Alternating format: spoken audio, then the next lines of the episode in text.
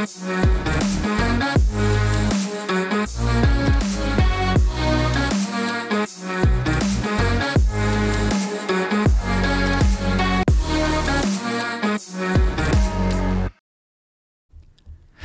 się państwem imigracyjnym, wielonarodowym i to chyba na dłużej. Co z tego wynika? Jakie z tego wynikają zagrożenia, ale jakie szanse? Co musimy zrobić, żeby integracja z Ukraińcami się udała? O tym dzisiaj w Układzie Otwartym. Bardzo serdecznie dziękuję wszystkim tym, dzięki którym, dzięki którym mogę ten program e, tworzyć, wszystkim patronom, którzy wspierają Układ Otwarty. Serdeczne dzięki. Jeśli ktoś z Państwa chciałby dołączyć do tego grona, do czego serdecznie namawiam, można to zrobić w serwisie patronite.pl na moim profilu Igor Jankę. E, I teraz zapraszam na rozmowę.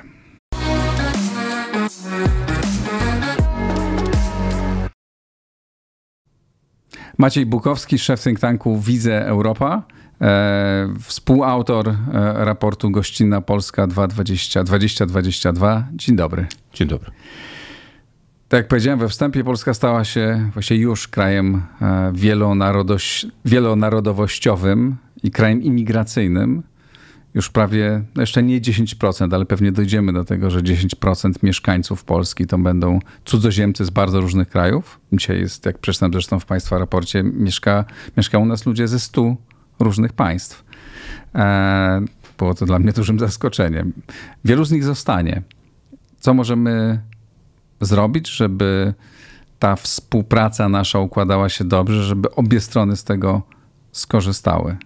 Przede wszystkim to jest dla nas sytuacja bardzo nowa. To jeszcze 7 lat temu, 8 lat temu, gdzieś około roku 2015-2014, praktycznie w Polsce nie było cudzoziemców pracujących i mieszkających u nas na stałe. To nie znaczy, że nie było ich w ogóle, no bo tak zwani ekspaci, można powiedzieć, pewnie byli od początku transformacji, ale nawet e, w czasach komunistycznych, no nie wiem, na przykład była imigracja z Grecji, kiedy przyjmowano tutaj komunistów greckich, prawda, z dziećmi. Więc A Wietnamczycy przyjeżdżali, Wietnamczycy Koreańczycy... przyjeżdżali na początku lat 90., więc zawsze jakaś malutka imigracja była, ale ona nie była systematyczna i była systematycznie rosnąca i tak naprawdę nie była widoczna. Natomiast to, co się wydarzyło w ciągu ostatnich 8 lat, no to jest po prostu gigantyczna zmiana.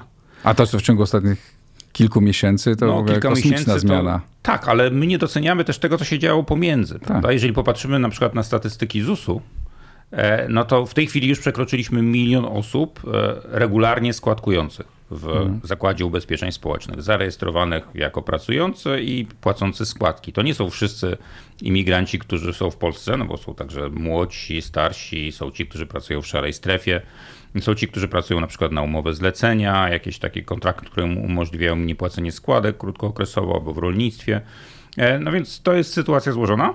Tych pracujących przy... pewnie jest, ile się szacuje w tej chwili? No to jest trudno powiedzieć, tak, hmm. ale no, są Do tacy, milionów. nawet 2 miliony mm -hmm. osób, prawda, mm -hmm. pracują. Tylko, że no, wiele z nich pracuje w szarej strefie, niekoniecznie przechodzi przez system nasz podatkowo-składkowy, ale milion składkuje regularnie i płaci podatki regularnie w Polsce, co już jest bardzo dużo, bo to było mniej więcej zero w roku 2014. No, czyli mamy 100 tysięcy, 150, 125 tysięcy rocznie przybywa nam, nam pracujących. I to jest bardzo ważne, bo no jest takie mm, pierwsze skojarzenie, no dobra, przyjmujemy tak dużo uchodźców, ponosimy, płacimy za to bardzo wysoką cenę.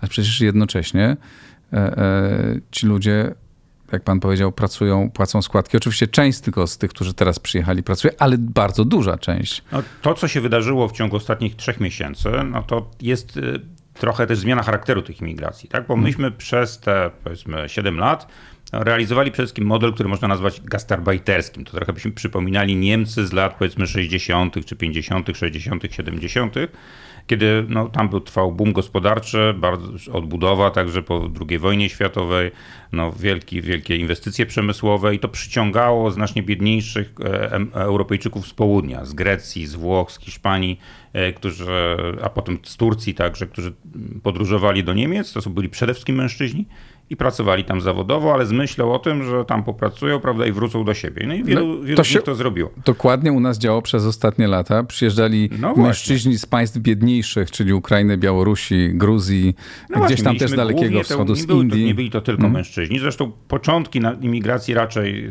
z Ukrainy na przykład to były częściej kobiety, natomiast od 2014 roku bardzo dużo mężczyzn przyjechało i stanowili większość tych imigrantów zarobkowych, gastarbeiterów można powiedzieć.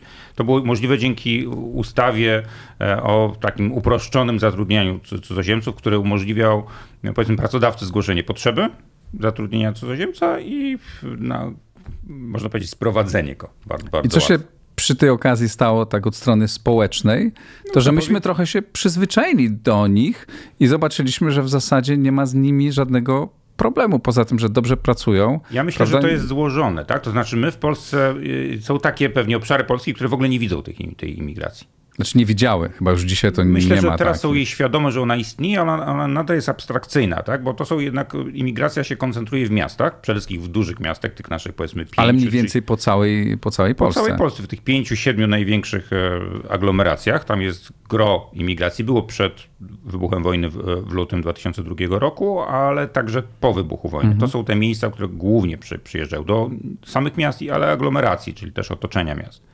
No, natomiast na wsi pojawia się sezonowa imigracja i to też tylko w tych miejscach, e, gdzie e, no, jest takie przemysłowe rolnictwo, prawda? na przykład sadownictwo. No właśnie, ja słyszałem, e, parę dni temu rozmawiałem z kolegą, który się też interesuje tymi problemami. Powiedział mi, że dzisiaj największe zagęszczenie imigrantów jest w powiecie tarczyńskim. No tak, bo bo tam wszyscy zrywają To jest sezonowe owoce. właśnie, tak, w związku z produkcją owoców. Zresztą to było powód, uchwalenia tej ustawy, politycy uchwalili ustawę właśnie o tym uproszczonym zatrudnieniu, bo zaczęli rolnicy, sadownicy zgłaszać problem z siłą roboczą, mhm. że nie ma kto e, zbierać truskawek albo jabłek. Czyli dobrze zareagowaliśmy. Tak, znaczy, władza to, dobrze zareagowała. No, ale to zupełnie przypadkowo się stało. Znaczy nie w wyniku żadnej świadomej polityki, mhm. tylko ze względu na te apele rolników mhm. myślano, że myślimy o rolnictwie. E, no, zrobiono to dość liberalnie. I potem wybuchło w 2014 wojna rosyjsko-ukraińska o Donbas. Mhm. I nagle okazało się, że, Ukraina znalazła się w bardzo poważnym kryzysie i wielu mężczyzn szuka pracy. No i zaczęli szukać pracy w Polsce, korzystając z tej e, ustawy. Z tym, że no tutaj też nasi pracodawcy też zaczęli korzystać z tej ustawy. Tak. I to się szybko zaczęło też rozszerzać, bo to obejmowało nie tylko osoby obywatelstwa ukraińskiego, ale w ogóle e, kraje Partnerstwa Wschodniego, więc także na przykład Rosjan, ale Białorusinów, E, obywateli Mołdawii, Gruzji, więc oni wszyscy e, co do zasady mogą być zatrudniani na, na, na podstawie tej ustawy, no ale potem szybko się okazało, że są też inne furtki no i na przykład wiele firm zaczęło e, importować pracowników nawet z bardzo odległych miejsc, takich jak na przykład Indie. Tak, w Polsce już mamy kilkanaście tysięcy Hindusów. Pakistan też. Tak, no, którzy przyjeżdżają do nas, bardzo różnych z Indonezji, no wszędzie z odległych kierunków. To na ogół to jest po kilka tysięcy, po kilkaset osób na razie. Ale to ale... chyba też była taka cicha polityka rządu, do której się nie przyznawał, że po prostu ułatwiał e, przyznawanie wiz e, z niektórych krajów, bo widział, że po prostu potrzebujemy pracowników. No, pracodawcy się bardzo domagają, tak? No bo mhm. my też sobie nie zdajemy sprawy, że jest druga strona tego, to znaczy od roku 2010, kiedy mieliśmy szczyt ludzi w, w tak zwanym wieku roboczym, czyli powiedzmy między 20 a 64 rokiem życia, ta pula już maleje, już zmalała 3 miliony osób. Tak? My tego nie wiemy, ale tak jest. Już mamy 3 miliony mniej osób między 20 a 64 rokiem życia, niż mieliśmy zaledwie 10 Polaków, lat Polaków. Polaków, Polaków, tak. tak? No i to jest luka na rynku pracy. Ona no, ułatwiła nam zniknięcie bezrobocia. W Polsce już nie ma bezrobocia, bezrobocie jest 3%. E, czyli no w zasadzie związane tylko ze zmianą pracy, prawda, tak. albo z tym, że ktoś jest młody i właśnie zaczął szukać pracy.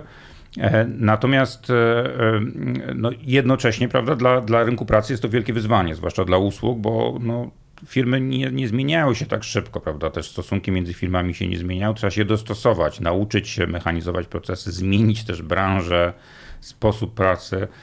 No więc zawsze w takim momencie jest poszukiwanie rąk do pracy. E, no i to ono jest nie tylko u nas, jest także w wielu krajach zachodnich, Jasne. prawda, od Europy Zachodniej po Stany No i dostaliśmy taką e, najpierw stopniowo narastającą falę e, Ukraińców, którzy przyjeżdżali tutaj, żeby pracować, żeby lepiej zarabiać, transferować te pieniądze z powrotem, albo i nie, albo i tu zostawać. no ale od 24 lutego mamy wielki napływ bardzo wielu ludzi, którzy po prostu uciekli przed wojną, tak, I to zmieniło kobiet. charakter tej, to właśnie tak. zmieniło charakter tej imigracji, no bo była imigracja gastarbeiterska, no ale tutaj po roku, po lutym 2002 roku przyjechały kobiety z dziećmi. Mhm. I to one często przyjechały do swoich mężów albo tak. do braci, albo do kuzynów. I to jest bardzo ważne, dlatego że ci bracia, mężczyźni, kuzyni załatwiali im pracę. Po pierwsze, dawali im mieszkanie, tak, no, przygarniali tak do jest. siebie, więc to nie jest tak, że wszyscy mieszkają w polskich tak domach. Tak jest, oczywiście. E, ale też pomagali im odnaleźć się tutaj, odnaleźć tak? Się Dlatego nie byli tacy bardzo za, za, zagubieni i po prostu dostawali robotę. Tak, no my nie wiemy dokładnie, jaki jest wskaźnik zatrudnienia wśród kobiet. No są dane rejestrowe mm, od strony Ministerstwa Pracy, które mówią, że no już około 40% tych kobiet znalazło pracę, przynajmniej raz dostało ofertę, mhm. którą zaakceptowało. Nie wiemy, czy nadal ma tę pracę.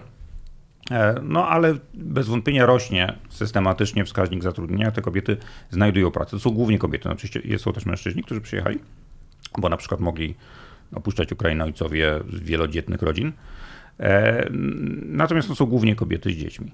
E, no więc w Polsce pojawiło się kilkaset tysięcy dzieci także, których wcześniej nie było. Było trochę, w samym systemie szkolnym w, Pol w Polsce już przed wybuchem wojny było kilkadziesiąt tysięcy dzieci, głównie ukraińskich. No, ale nie tylko. My pamiętajmy, że przyjęliśmy w ciągu ostatnich powiedzmy dwóch lat 150 tysięcy Białorusinów, tak? To więc tak. też jest. E, ale łącznie jest tak, że większość tych ludzi, którzy przyjechali, którzy są w e, wieku, kiedy mogą e, pracować, pracuje. Tak. I to duża część, i to większość pracuje legalnie. Pracuje, to jest jakiś bądź, fenomen bądź, niesamowity, nie? Że no mamy... generalnie we, praktycznie we no tak, ale to są, chcą ale, pracować. Tak, ale pamiętajmy, że to są uchodźcy, uchodźcy tak, tak? czyli ludzie, którzy uciekli przed wojną i chwilę potem znaleźli pracę. Tak, Przez oczywiście no. zbieg rozmaitych okoliczności. Tak jak pan mówi, tak. że tych, ich mężowie załatwili im tą o, pracę, tutaj nie musieli już być zupełnie błądzić jak dzieci we mgle. Tak, aczkolwiek no, ta praca pewnie no, na początku, tak jak przynajmniej te pierwsze badania na to wskazują, jest raczej taką pracą pracą prostą zwykle, tak. taką, którą można no, szybko właśnie podjąć e, tam, gdzie są takie naj, najłatwiejsze luki, też często, często nie, nisko płatną, nie do końca odpowiadającą no, strukturze na przykład wykształcenia tych osób. Tak. Dla wielu z nich jest barierą, jest bariera językowa. Ta imigracja zarobkowa no, ludzie się uczyli, no bo chcieli pracować języka, ale też często był, byli to ludzie z zachodniej Ukrainy, którzy tak właśnie sobie, można powiedzieć, wahadłowo popracowali dwa miesiące, potem na dwa tygodnie wrócili do rodziny, znowu popracowali. E, e, on, im jest łatwiej było się nauczyć języka polskiego, zwykle mieli z nim kontakt już wcześniej. E, w tej chwili przyjechało wiele osób ze wschodniej Ukrainy, posługujących się na co dzień językiem rosyjskim, bariera językowa jest większa, bo też no, to, były osoby, to są osoby przede wszystkim też w różnym wieku, prawda? No, też wielu 40-latków, typowy migrant jest między 20 powiedzmy a 35 rokiem życia, a teraz mamy 40-50-latków także, ale oni także się odnajdują na, na naszym rynku pracy, chociaż no, język bez wątpienia przez jakiś czas będzie utrudniał. Sam to obserwuję, bo u nas e, w Fundacji w Instytucie Wolności, gdzie mam takie Centrum Pomocy Prawnej i e, Psychologicznej dla Ukraińców, e, pracują chyba trzy Ukrainki w tej chwili, że pracował chłopak, teraz trzy kobiety i wszystkie są z różnych, dwie są z, ze wschodu Ukrainy, nie mówią po polsku, ale tak naprawdę tam jest potrzebne to, to żeby, mówili, żeby mówiły po po ukraińsku, to jest no nie wiem, prawnik, prawnik z, z Mariupola. Nie? To jest no właśnie, tak. No więc... takie szokujące, jak to miasto dla nas jest... E, stało się takim symbolem, wiadomo Miasto jest symboliczne. No, ludzie są bardzo różnych, e, bardzo różnej sytuacji. No, są mhm. ludzie, którzy przeżyli traumę wojenną bezpośrednio tak. są tacy, którzy nie, bo, bo właśnie po Ale też fantastycznie się odnajdują, tak? Mamy właśnie prawniczkę, mamy e, panią psycholog, świetnie się czują, no na pewno znaczy niosą ze sobą traumę wojenną, tak? Ale to jest taki dobry, dobry przykład ludzi. To już nie są tylko pomoce e, domowe i robotnicy e, budowlani, tylko przyjeżdżają wykształceni ludzi e, o bardzo różnym profilu no tak, zawodowym. Ale tak można powiedzieć, żeby trochę dodać łyżkę dziegciu do mhm. tego optymistycznego obrazu, no trzeba pamiętać, że no, minęły dopiero 3-4 tak. miesiące, tak. prawda? E, powiedzmy 4 miesiące, piąty miesiąc idzie. E, no i Prawda? To jest jeszcze jest ten łatwy okres, prawda? Relatywnie. To prawda. I tak wiem, że wszyscy przypowiadają, że to trudne przyjdzie, ale pamiętam, jak rozmawiałem w pierwszym miesiącu, nawet miałem taką rozmowę z panią psycholog i e, przewidywaliśmy, że no tak za miesiąc, dwa, jak ci ludzie już posiedzą w naszych domach i e, będzie, będą tak bardzo widoczni na ulicach, to zaczną się jakieś napięcia.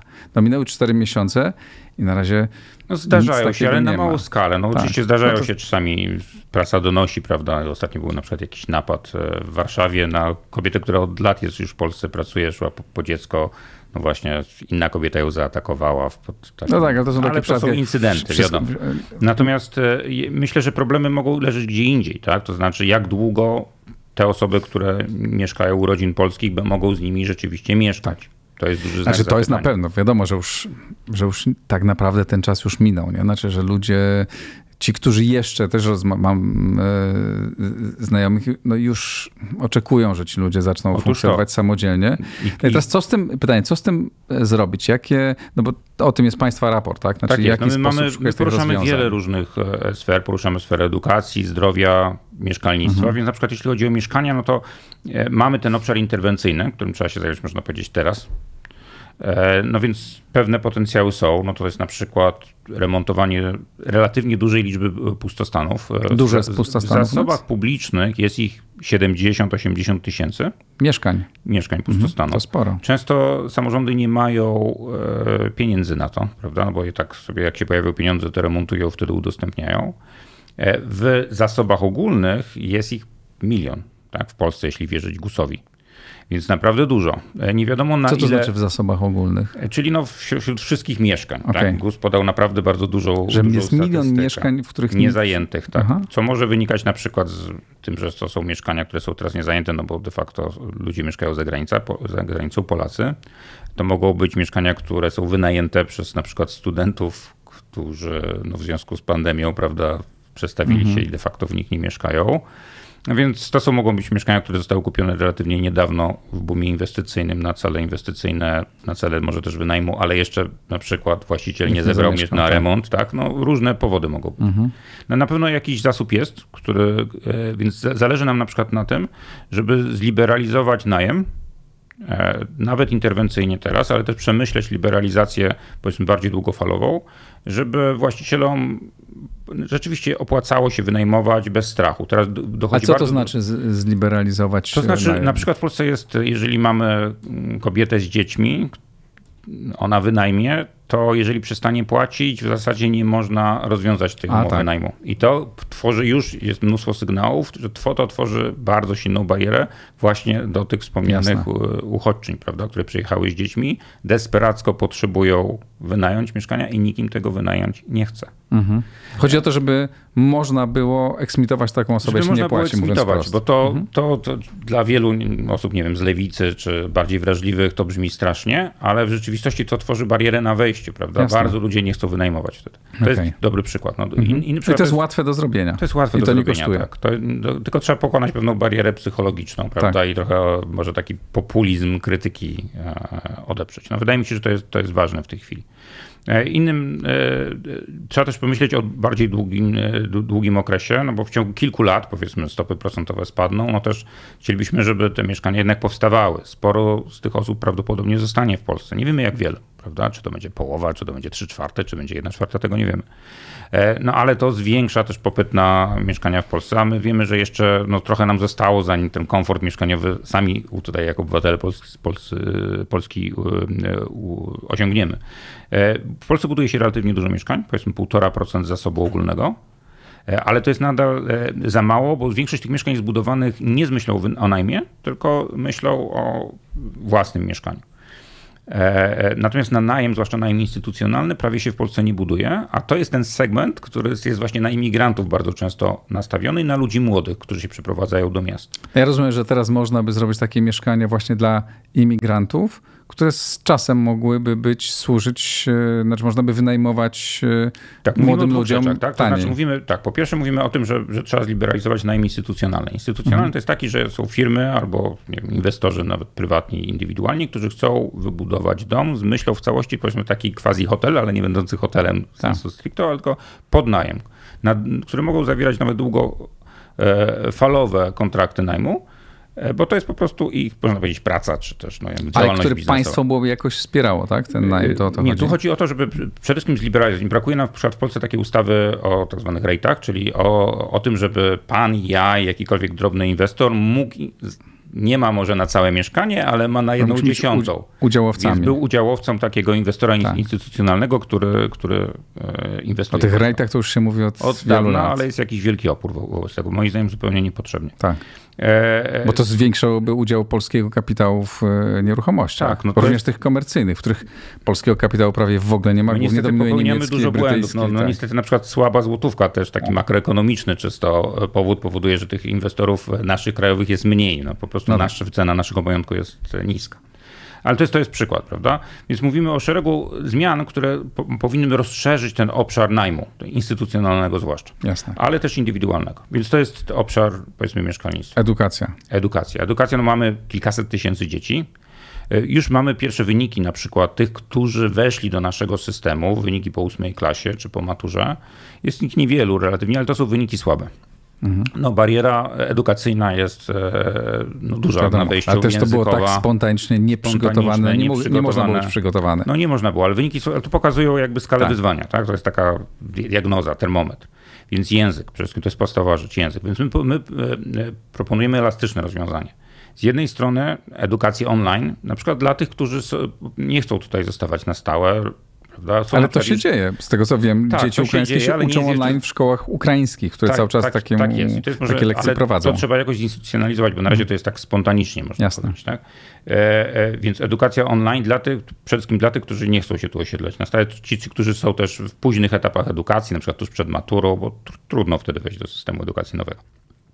E, e drugim takim powiedzmy przejściową fazą to też jest e, edukacja już stacjonarna, ale, e, ale po ukraińsku w systemie ukraińskim e, poprzez wielu z tych e, imigrantek jest nauczycielkami, prawda, żeby je zatrudnić tutaj w Polsce w porozumieniu z rządem ukraińskim i dla jakiejś części uczniów dać, dać ofertę po prostu nauki w systemie ukraińskim, ale stacjonarnie.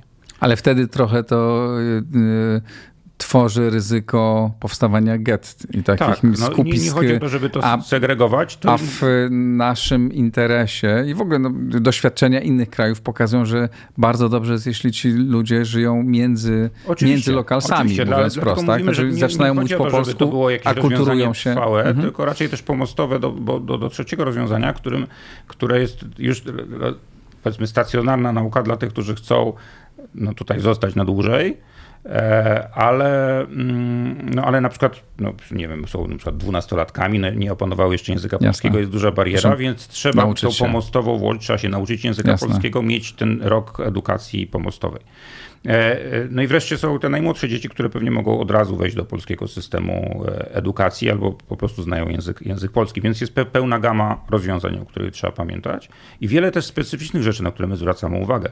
Na przykład no wraz z tym, tą falą uchodźców pojawił się bardzo specyficzny problem, dzieci, które są same, to znaczy bardziej młodzieży, które, które jest sama, mhm. tak? czyli z różnych powodów, na przykład żona nie chciała opuszczać męża, została w Ukrainie, na 17-latek tu, albo 17-latka przyjechał, prawda? I no, są tak trochę puszczone osobno. Mhm. To jest y, całkiem spora grupa, e, która, no, z którą się pewnie będą wiązały inne no, wyzwania też o charakterze Jasne. wychowawczym, no bo wiadomo, jak się ma 16-17 lat, jest się trochę samemu bez opieki rodziców, to jest inaczej niż jak ten ojciec jest, jest, jest albo matka są bliscy. Jasne.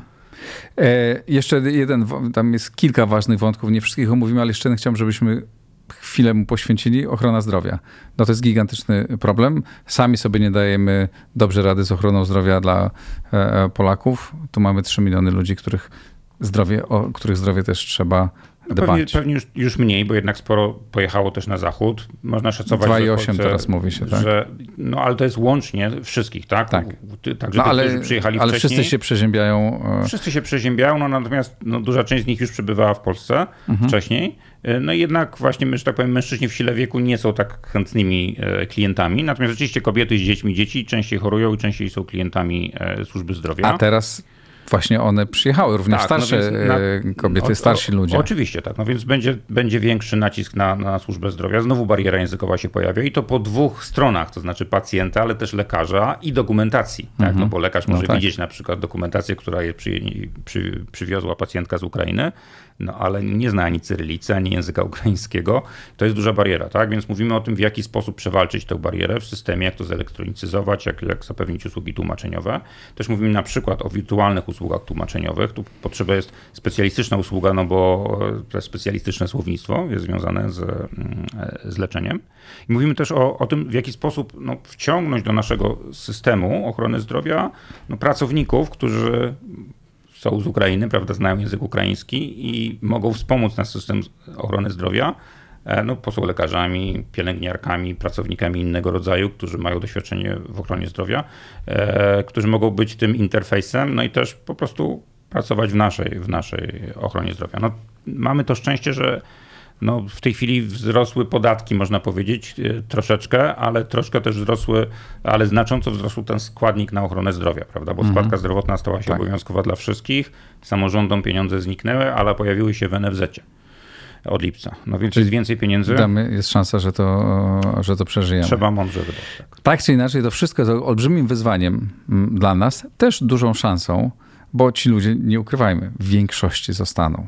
Oni nawet dzisiaj mogą tego nie wiedzieć. My to wiemy, nie wiemy po naszych... w jakim proporcji, Jasne. ale przynajmniej podejrzewam, że takie doświadczenia uczą, że przynajmniej w połowie. No trudno no. powiedzieć w jakim. Tak. Nie wiemy. Wiemy to po Polakach, którzy pojechali wiemy do Wielkiej Brytanii. Tak. W Polsce jest dzisiaj dobrze, czasami łatwiej jest żyć tutaj niż tam. A nie wracają. Tak. A, a nie wraca, znaczy ci, którzy mają domy, dzieci w systemie już po prostu nie wrócą. Może niektórzy, znaczy część to, wraca, ale to, to jest mały procent. No ale to też jest trudny temat, pamiętajmy, w naszych relacjach z Ukrainą, tak? A. To znaczy, to jest rzecz, To jest bardzo delikatna Dlatego my rzecz. też mówimy o takich rzeczach jak na przykład integracja. No bardzo są istotne też te delikatne tak. tematy.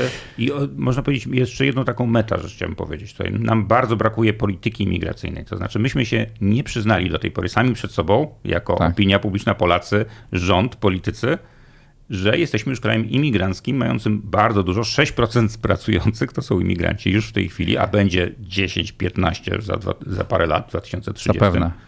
E, dzieci w szkołach. No z tego może się pojawić sporo problemów. Po, po, potrzebujemy świadomej, integracyjnej polityki pod każdym, właśnie w każdej, w każdej dziedzinie zgadzam się. Polityka migracyjna to jest coś, czego nie mamy, to i tak nam się jakimś cudem udaje przez to o, miękko przechodzić, jak to my jesteśmy e, w sytuacjach takich spontanicznych nieźli, ale teraz bardzo ważne jest to, żebyśmy wypracowali tę politykę migracyjną i o tym zapewne w Układzie Otwartym będziemy rozmawiać. Maciej Bukowski, Wizy Europa, bardzo panu dziękuję. Raport nazywa się Gościnna Polska 2022. Można go w całości tak przeczytać na państwa stronach. Mm, serdecznie do tego namawiam i namawiam do, do poważnej dyskusji na ten temat, którą tu na pewno będziemy toczyć. Dziękuję bardzo. To wszystko na dzisiaj. E, pamiętajcie, subskrybujcie i wspierajcie na patronite.pl układ otwarty. Dzięki temu mogę prowadzić takie rozmowy. Do usłyszenia i do zobaczenia.